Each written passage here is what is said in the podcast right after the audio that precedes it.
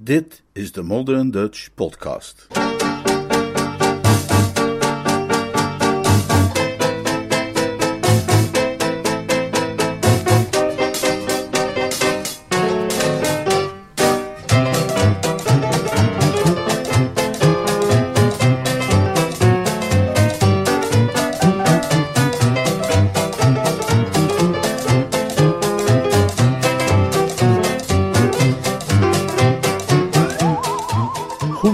Bezig, Jeeves.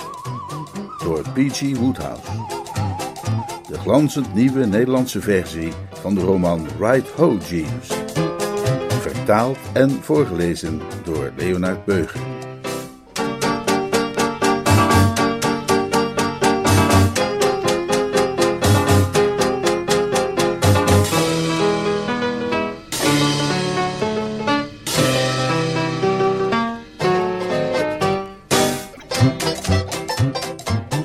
Hoofdstuk 6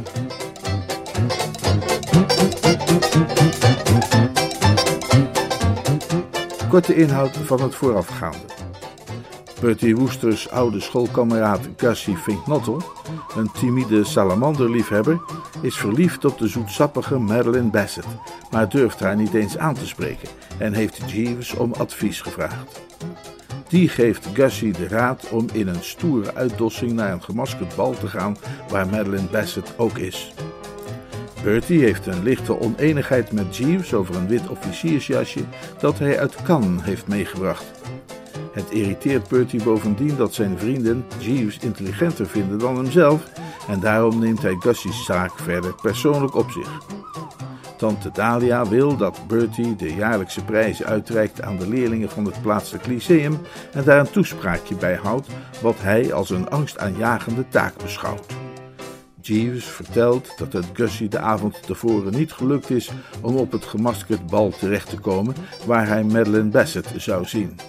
Gussie komt nu Bertie om raad vragen.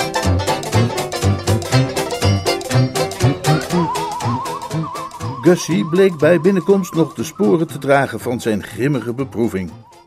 Zijn gezicht zag bleek, zijn ogen waren als kruisbessen in de jam, zijn oren hingen slap en de algemene indruk die hij wekte was die van een man die door de gloeiende oven is gegaan en tussen de raderen is gekomen. Ik hees mezelf wat hoger in de kussens en staarde hem nauwlettend aan. Ik kon zien dat het ging om spoedeisende hulp en ik maakte mij gereed tot directe actie. Zo, Gussie? Hallo, Bertie. Hij daar? Hij daar. De beleefdheidsformules afgerond, leek mij het moment daar om het verleden tactvol ter sprake te brengen. Ik uh, hoor dat je het zwaar hebt gehad. Nou, dankzij Jeeves? Het was niet Jeeves' fout. Het was volledig Jeeves' fout. Dat lijkt mij toch niet. Ik was mijn geld vergeten en mijn sleutel. En nu kun je maar beter die hele Jeeves vergeten. Het zal je zeker interesseren om te horen, Gussie, zei ik, want het leek me verstandiger maar meteen op de hoogte te stellen van de actuele situatie, dat hij niet langer jouw uh, kleinigheidje behandelt. Dit leek hem behoorlijk te treffen. Zijn mond viel open en zijn oren gingen er nog slapper bij hangen. Hij had er al uitgezien als een dode vis, maar hij leek nu opeens een nog dooiere vis. Een van vorig jaar, die was aangespoeld op een eenzaam strand en daar ten prooi had gelegen aan de wind en de getijden. Wat? Ja. Je wilt toch niet zeggen dat Jeeves niet meer. Nee. Maar verdorie. Ik bleef vriendelijk, maar standvastig. Je bent veel beter af zonder hem. Je gruwelijke ervaringen van die vreselijke nacht zullen je toch wel geleerd hebben dat Jeeves aan rust en herstel toe is. Ook de wakkerste denkers hebben af en toe een inzinking. En dat geldt op dit moment voor Jeeves. Ik had het al enige tijd zien aankomen. Hij is eenvoudig niet in vorm. Zijn bougies moeten eens flink ontvet worden. Het is voor jou natuurlijk een hele schok, dat begrijp ik wel. Jij bent hier vanmorgen waarschijnlijk ook naartoe gekomen om hem raad te vragen. Natuurlijk. En waarover dan wel? Madeline Bassett logeert vanaf vandaag bij mensen ergens op het platteland en ik wil weten wat ik volgens hem nu zou moeten doen. Tja, maar zoals ik zeg, Jeeves is van de zaak gehaald. Maar Jan Dory Bertie. Jeeves zei ik met een zekere gestrengheid, behandelt deze kwestie niet langer. Die valt nu binnen mijn jurisdictie. Ja, maar wat kun jij nu in hemelsnaam doen? Ik verborg mijn vrevel. Wij woesters hebben een groot gevoel voor rechtvaardigheid. Wij beseffen dat wij ons mild en vergevingsgezind dienen op te stellen ten opzichte van mensen die de hele nacht door Londen hebben moeten zwerven in een rode maillot. Dat, zei ik daarom kalm, zullen wij nog wel zien. Ga zitten en laat ons overleggen. Ik moet zeggen dat de kwestie mij niet al te ingewikkeld lijkt. Jij zegt dat dat meisje op bezoek is bij vrienden op het platteland. Het lijkt me nogal duidelijk dat jij daar dan ook heen moet gaan om je aan haar te kunnen vasthechten als een kleefpleister. Nogal wie dus. Ja, maar ik kan mezelf toch niet gaan opdringen aan een stel volkomen vreemden? Ah, jij kent die mensen niet? Natuurlijk niet. Ik ken niemand. Ik tuitte de lippen. Dat maakte het natuurlijk wel wat ingewikkelder. Alles wat ik weet is dat ze Travers heten en dat ze wonen op Brinkley Court, ergens in Worcestershire. Ik onttuitte de lippen weer. Ha, Gussie, zei ik met een vaderlijke glimlach. Wat een enorme bof is het voor jou dat Bertram Wooster zich jouw aangelegenheden heeft aangetrokken. Zoals ik al meteen had gezien, kan ik alles voor jou in orde brengen. Nog deze middag ga jij naar Brinkley Court, waar jij als een geëerde gast zult worden ontvangen. Hij rilde als een gelatinepudding. Ik denk dat het voor iedere neofiet wel een enerverende ervaring zal zijn mij het roer in handen te zien nemen. Maar Bertie, bedoel je nu dat jij die mensen kent, die Treverson? Zij zijn mijn tante Dalia. Goeie hemel. Zie je nu, maakte ik hem even goed duidelijk, wat een geluk het is om mij achter je te hebben staan. Je gaat naar Jeeves en wat doet hij? Hij trekt je een felrode maillot aan en een van de gruwelijkste valse baarden die ik ooit heb mogen aanschouwen. En hij stuurt je naar gemaskerde ballen. Of bals, daar wil ik even vanaf zijn. Resultaat: psychisch leed en nul progressie. Vervolgens neem ik het heft in handen en zet je op het juiste spoor. Had Jeeves je Brinkley Court binnen kunnen krijgen? Geen schijn van kans. Tante Dalia is niet zijn tante. Ik noem het alleen maar even. Sapperloot, Bertie, ik weet niet hoe ik je bedanken moet. Ach, beste kerel. Maar, eens. Wat? Wat moet ik eigenlijk doen als ik daar eenmaal ben? Als jij Brinkley Court kende, zou je die vraag niet eens stellen. In die romantische omgeving kan het niet misgaan. Beroemde liefdesparen door de eeuwen heen hebben de voorronde gespeeld te Brinkley Court. Huis en tuin zijn simpelweg vergeven van de juiste atmosfeer. Jij wandelt daar met dat meisje over lommerrijke wandelpaden. Je zit daar met haar op beschaduwde gazons. Je roeit met haar op de vijver. En langzamerhand bereik je samen het moment waarop. Grote genade, Bertie. Ik geloof dat je gelijk hebt. Ja, natuurlijk heb ik gelijk. Ik ben zelf driemaal verloofd geraakt op Brinkley. Er is verder niets van gekomen, maar het blijft een feit. En telkens ging ik er naartoe zonder de minste gedachte aan tederheid of passie of romantiek. Ik had geen enkele behoefte om wie dan ook ten huwelijk te vragen, maar toch, zodra ik die romantische omgeving maar had betreden, betrapte ik mezelf erop dat ik mij aan het dichtstbijzijnde meisje vastklampte en mijn hart aan haar voeten begon uit te stallen. Hm? Het is iets dat daar in de lucht hangt. Ik begrijp wat je bedoelt, en dat is precies wat ik wil kunnen doen: er langzaam naartoe werken. En hier in Londen, die vervloekte stad, is het overal zo druk en heftig dat een mens daar niet de gelegenheid toe krijgt. Precies. Je krijgt een meisje geen vijf minuten per dag te zien zonder dat er anderen bij zijn. En als je haar wilt vragen om je vrouw te worden, moet je er razendsnel bij zijn, alsof je de gouden ring probeert te grijpen in de draaimolen. Klopt. Van Londen raakt de mens helemaal opgejaagd. Op het platteland zal ik een heel andere man kunnen zijn. Wat een geluk zeg, dat die Travers jouw tante blijkt te zijn. Hoe bedoel je, blijkt te zijn? Ze is altijd mijn tante geweest. Ik bedoel, wat bijzonder dat het precies jouw tante is waar Madeline gaat logeren. Wel, nee, helemaal niet. Zij en mijn nichtje Angela zijn dikke vriendinnen. In Cannes was ze er ook de hele tijd bij deze zomer. Ah, dus jij hebt Madeline in Cannes ontmoet? Jan Tory Bertie, zei de arme Lijzebeth de Voot. Ik wou dat ik haar in kan had kunnen zien. Wat moet zij geweldig hebben uitgezien in haar strandkleding. Oh, Bertie. Ja, ja, zei ik, een tikje afstandelijk. Na een zware nacht zijn dat soort dingen moeilijk te verdragen, zelfs na behandeling met een van Jeeves' dieptebommen. Ik schelde en toen Jeeves verscheen, vroeg ik hem mij een telegramformulier en een potlood te brengen. Ik schreef vervolgens een zorgvuldig verwoord bericht aan tante Dalia, waarin ik haar meedeelde dat ik nog heden mijn vriend Augustus Finknottel naar Brinkley zond en aan haar gastvrijheid toevertrouwde. Ik gaf het formulier aan Gussie. Lever dat dan in bij het eerste het beste postkantoor waar je langskomt, zei ik. Dan ligt het op haar te wachten als ze thuiskomt. Gussie haastte zich op weg, wapperend met het telegram en stralend als een close-up van Joan Crawford. Ik wendde mij tot Jeeves met een update van mijn activiteiten. En eenvoudig, hè, Jeeves? Niks ingewikkelds of breedvoerigs. Nee, meneer. Niks vergezochts ook, hè? Niks uitsloverigs of omslachtigs.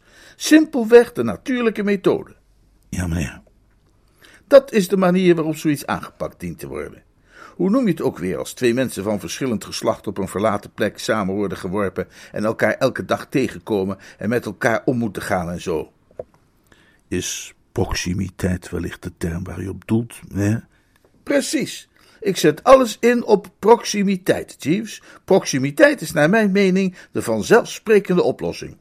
Op dit moment is Gussie inderdaad niet meer dan een drillpuddingje in haar aanwezigheid, maar vraag je eens af hoe hij zich zal voelen over een week of zo. Hè? Als zij iedere ochtend samen bij het ontbijt worstjes hebben staan opscheppen van dezelfde schaal, plakken van dezelfde ham hebben gesneden, zich gezamenlijk bediend hebben van ontbijtspek en niertjes. Ik zweeg abrupt. Ik had weer een van mijn ideeën gekregen. Hemel, Jeeves! Nee. Dit is nu een voorbeeld van dat je ook echt overal aan moet denken. Je hoort dat ik het heb over worstjes, niertjes, ham en spek? Ja, meneer. Nou, die mogen er dus helemaal niet aan te pas komen. Dat zou fataal zijn. Helemaal fout.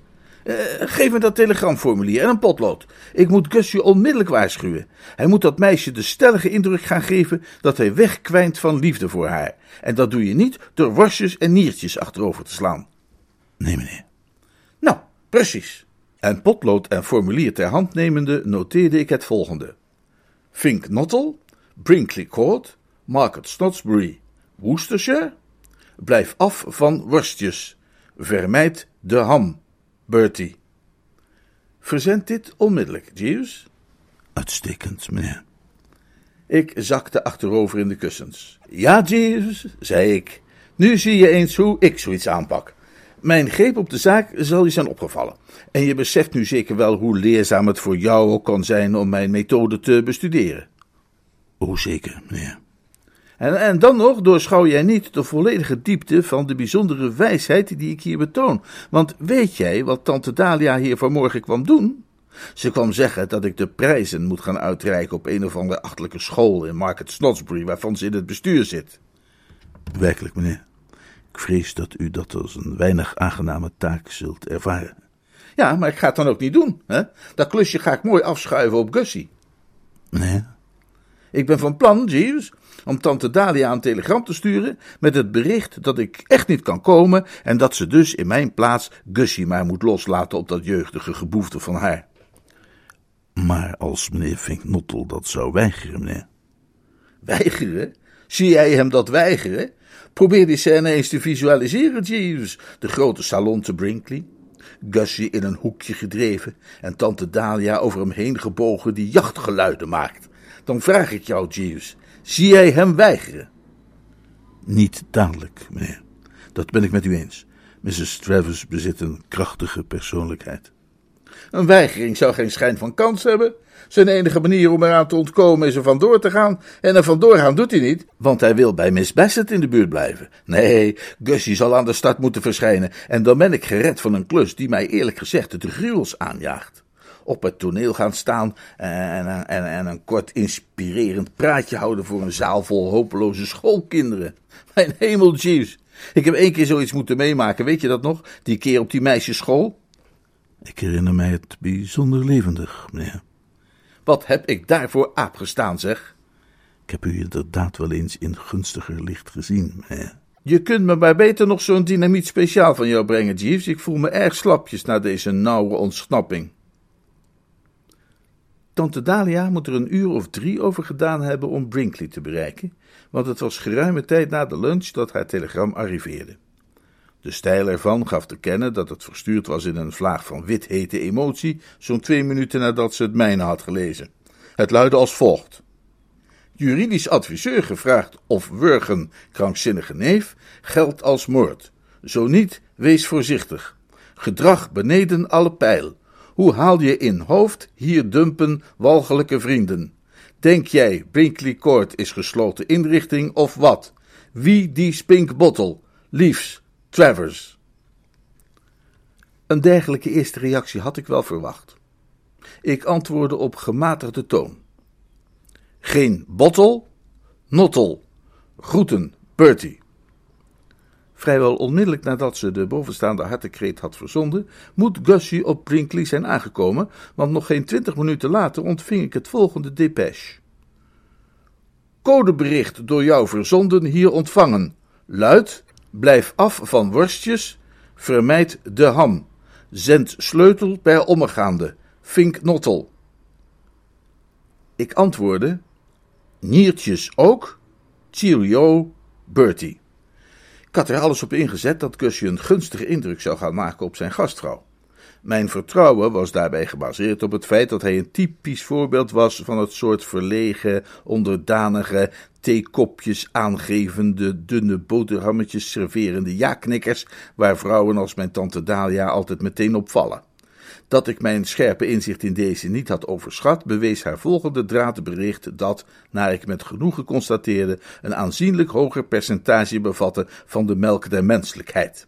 Het luidde: Tja, die vriend van jou is gearriveerd en ik moet zeggen dat hij voor een vriend van jou een stuk minder subhumaan overkomt dan ik had verwacht een beetje een mekkeraar met van die koologen, maar verder netjes en beschaafd en in elk geval bijzonder leerrijk met betrekking tot watersalamanders.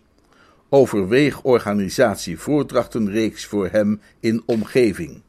Blijft overigens hondsbrutaal mijn huis te gebruiken als pension en zal appeltje overschillen bij jouw komst. Verwacht je dertigste. Vergeet niet slopkousen liefs, Travers.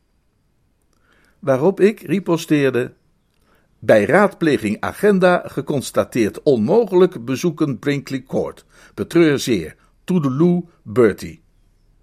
Haar antwoord was nogal sinister van toon. Oh, is dat jouw verhaal? Je agenda, ja, ja. Betreur zeer. Dat zal wel. Laat mij jou vertellen, ventje, dat jij nog veel meer te betreuren zult krijgen als jij hier niet komt opdagen. Als jij ook maar één ogenblik denkt dat je onder het uitreiken van die prijzen uit kunt komen, heb je het lelijk mis. Betreur zeer Brinkley Court 100 mijl van Londen, daar jou nu niet kan raken met baksteen. Liefs Travers. Nu kwam het erop aan. En ik zette alles op alles om te winnen eh, of te verliezen. Dit was niet het moment om zuinigjes te doen en ik stortte mijn hat volledig uit, ondanks de kosten. Nee, maar verdorie, luister nu eens, eerlijk waar, ik ben niet degene die u hebben moet. Laat Fink Nottel die prijzen uitdelen. Een geboren uitdeler die u alle eer zal aandoen. Heb volste vertrouwen dat Augustus Fink Nottel diepe indruk zal maken als ceremoniemeester op 31ste dezer mist niet een geweldige kans die wellicht nooit meer terug zal keren. Tingeling, Bertie. Er volgde een uur van ademloze spanning, maar toen kwam toch de blijde boodschap. Oké, goed dan. Zit wel iets in wat je zegt. Beschouw je als verraderlijke worm en verachtelijke, ruggengraatloze, laffe custardpudding, maar heb Spinkbottel inmiddels geboekt. Blijf dan maar waar je bent ik hoop dat je onder de tram komt, liefs Travers. Ik was, zoals u zult begrijpen, reusachtig opgelucht. Een enorm gewicht was me van de schouders gerold. Het was alsof iemand me met een trechter had volgegoten met Jeeves opkikkertjes. Ik zong terwijl ik mij kleedde voor het diner die avond. Op de Drones Club was ik dermate vrolijk en uitgelaten dat er verscheidene klachten kwamen. En toen ik thuis kwam en mijn bed inrolde, viel ik binnen vijf minuten, nadat ik onder de lakens was gekropen, in slaap als een kleuter. Het leek me dat die hele verontrustende affaire definitief als afgedaan kon worden beschouwd.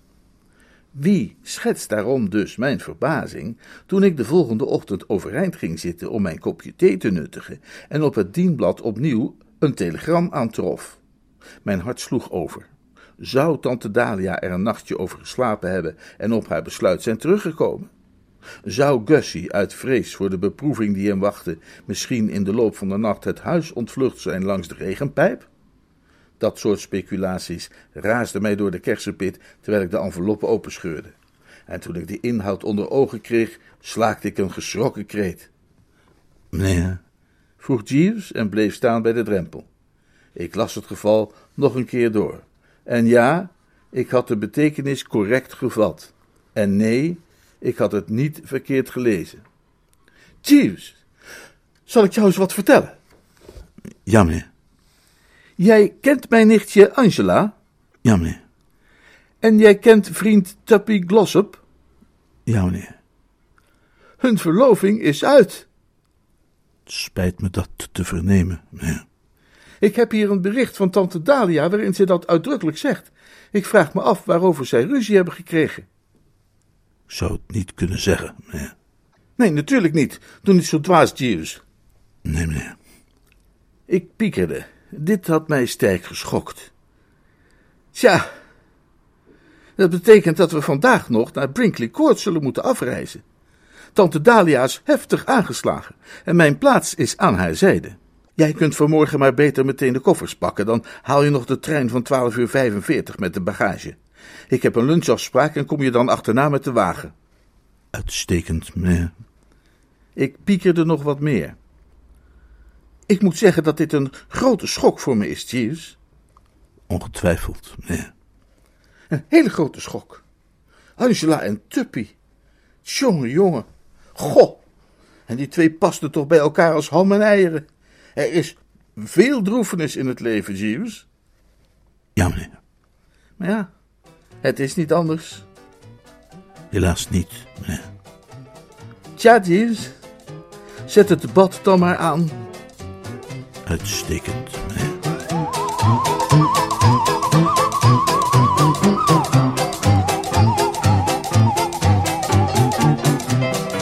Hoofdstuk 7a.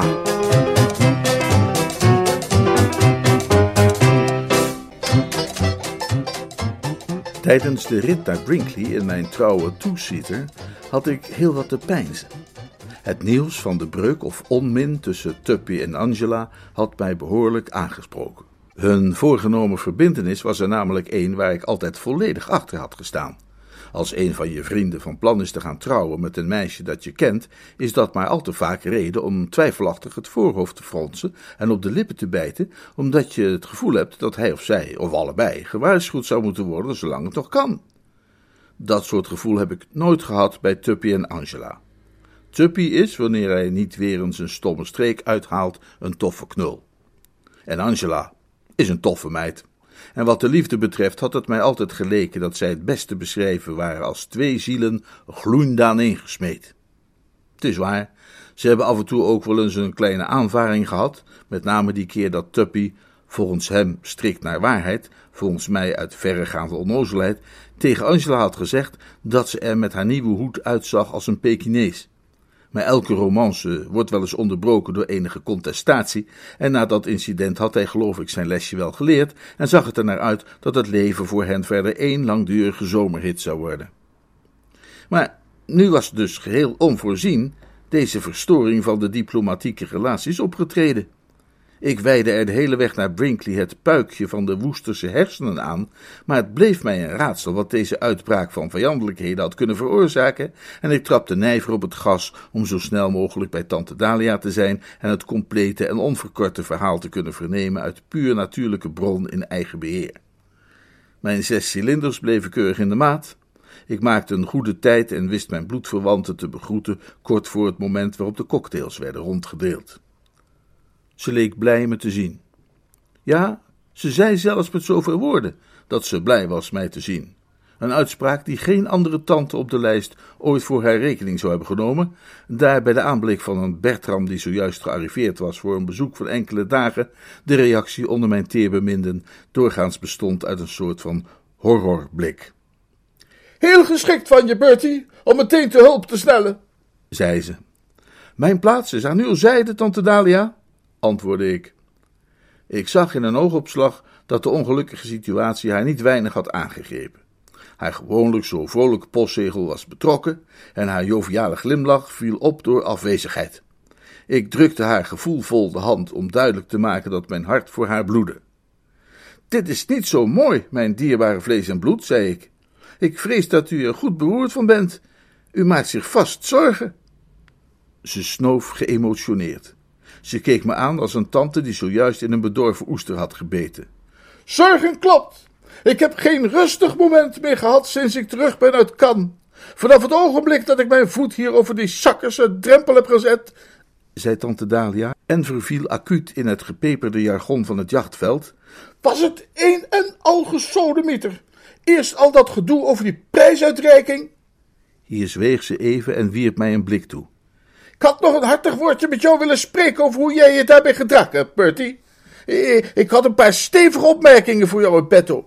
Maar nu je me zo sportief te hulp komt schieten, vrees ik dat ik je ongestraft moet laten gaan. En bovendien is het waarschijnlijk maar goed ook dat jij je zo walgelijk lafhartig aan je verantwoordelijkheden hebt ontrokken. Want volgens mij gaat die spinkebottel van jou dat een stuk beter doen. Zolang het die mensen liever op de watersalamanders er buiten laten. Heeft hij het over watersalamanders gehad? En of, waarbij hij me aanstijde met glinsterend oog, als de oude zeeman uit het gedicht.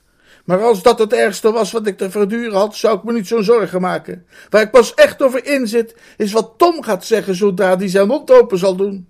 Om Tom?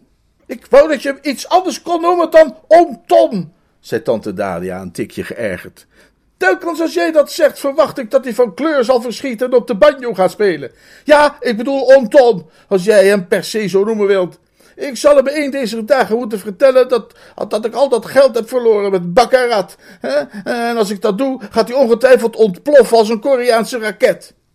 Maar ja, de tijd die alle wonden heelt zal... De tijd die alle wonden heelt aan mijn neus. Ik zal toch echt voor uiterlijk 3 augustus een cheque van 500 pond van hem moeten lospeuteren voor Milenis boudoir. Dat schokte mij wel. Afgezien van de vanzelfsprekende interesse die je neef nu eenmaal zal hebben voor het beschaafde weekblad dat zijn tante uitgeeft, koesterde ik een bijzonder plekje in mijn hart voor Milady's boudoir, sinds ik daar ooit een artikel aan had bijgedragen over wat de goed geklede heer thans draagt. Sentimenteel misschien, maar zo voelen wij oude rotten in het journalistenvak die dingen nu eenmaal. Is de boudoir op de fles? Als Tom niet over de brug komt, wel. Het blad heeft wat ruggensteun nodig tot het door het dal is. Maar trok het twee jaar geleden ook al niet door het dal? Dat klopt, en daar is nog steeds mee bezig. Totdat je zelf een damesblad hebt geleid, weet je niet wat de dalen zijn. En denkt u dat de kans om wat los te peuteren van oom, ik bedoel, van mijn aangetrouwde oom, niet geweldig is? Laat me je dit vertellen, Bertie. Tot nog toe heb ik, als er behoefte was aan een financiële injectie, Tom altijd vrolijk en vol vertrouwen kunnen benaderen in de stijl van het enige kind dat haar toegeeflijke vader om een ijsje vraagt. Maar nu pas heeft hij pas een aanslag gekregen van de inkomstenbelasting eh, eh om een extra 85 pond, 1 shilling en 3 pence te betalen. En alles waar hij sinds ik terug ben uit kan over gesproken heeft, is de teleurgang van ons land en de akelige gevolgen van een socialistische wetgeving en wat er in hemelsnaam van ons allemaal terecht moet komen. Ik wil dit graag geloven. Deze Tom bezit een eigenaardigheid die ik ook bij andere steenrijke mannen wel heb opgemerkt ontfutsel hem ook maar het luttelste bedrag en je kunt hem horen jammeren tot aan Land's End. Hij zwemt in het geld, maar haat het er ook maar iets van uit te moeten geven. Als wij Anatol niet hadden als kok, zou hij geloof ik het liefst de pijp aan Maarten geven. Godzijdank hebben wij Anatol, is wat ik zeg. Ik boog eerbiedig het hoofd. Onze bovenste beste Anatol, zei ik. Amen, zei tante Dalia. Daarna werd de uitdrukking van gewijde extase die altijd wordt opgeroepen zodra men de gedachte, hoe kort ook, naar Anatols kookkunst laat uitgaan, echter van haar gezicht gewist. Maar laat ik niet van het onderwerp afdwalen. Ik was je aan het vertellen hoe de hel op zijn fundamenten had geschud sinds ik thuisgekomen was. Eerst die prijsuitreiking, toen Tom en zijn belastingaanslag. En nu daar nog eens overheen die verduivelde ruzie tussen Angela en die jongen van Glossop. Ik knikte ernstig. Het speet me heel erg daarvan te moeten horen. Een enorme schok. Waar ging die ruzie over? Over haaien. Hè? Over haaien. Of liever één speciale haai. Dat ondier dat het op de arme kind gemunt had toen ze aan het waterskiën was in Cannes. Weet je nog wel, Angela's haai? Natuurlijk herinnerde ik mij Angela's haai. Een fijngevoelig man vergeet niet snel hoe een nichtje bijna werd verslonden door een monster van de diepzee. Die geschiedenis lag mij nog vers in het geheugen. Dit is wat er gebeurde in een notendop. U weet hoe dat gaat, waterskiën. Hè? Je hebt een motorboot met een lang touw erachter. Je gaat op zo'n plank staan en houdt het touw vast terwijl de boot je voortsleurt. Maar af en toe verlies je dan je evenwicht of je laat dat touw glippen en dan val je in het water en moet je terugzwemmen naar je waterski. Een nogal onnozele bezigheid heb ik altijd gevonden, maar veel mensen scheppen er aardigheid in. Goed. Die keer waar ik het nu over heb, had Angela juist weer haar plank bereikt toen er een reusachtige haai opdook en er tegenaan botste, zodat ze terugzonk in het zilte nat. Het kostte haar een hele tijd eer zij weer bovenop geklauterd was en die man in de motorboot besefte wat er aan de hand was en haar in veiligheid kon brengen. Je kunt wel nagaan wat het arme kind in de tussentijd had uitgestaan. Volgens Angela had de gevinde zeebewoner vrijwel zonder ophouden naar haar enkels gehapt, zodat ze zich tegen de tijd dat er hulp opdaagde meer gevoeld had als een zoute amandel tijdens een drukke borrel dan als een menselijk schepsel. Ik wist nog maar al te goed hoe geschokt ze was en hoe ze wekenlang over niets anders kon praten. Ik herinner me het voorval heel levendig, zei ik. Maar hoe kwam daar dan ruzie van? Ze vertelde hem gisteravond dat verhaal. Ja, en? Met fonkelende ogen en haar vuistjes samengeknepen in meisjesachtige vervoering. Ja, dat wil ik geloven. Maar in plaats van te reageren met begrip en sympathie, zoals ze verdiende, wat denk je dat die verduivelde Glossop deed? Die luisterde naar haar verhaal met de expressie van een deegklomp, alsof ze iets over het weer vertelde. En toen ze uitgesproken was, nam hij zijn sigarettenpijpje uit zijn mond en zei: Het zal wel gewoon een drijvend stuk hout geweest zijn. Nee, toch? Ja, toch?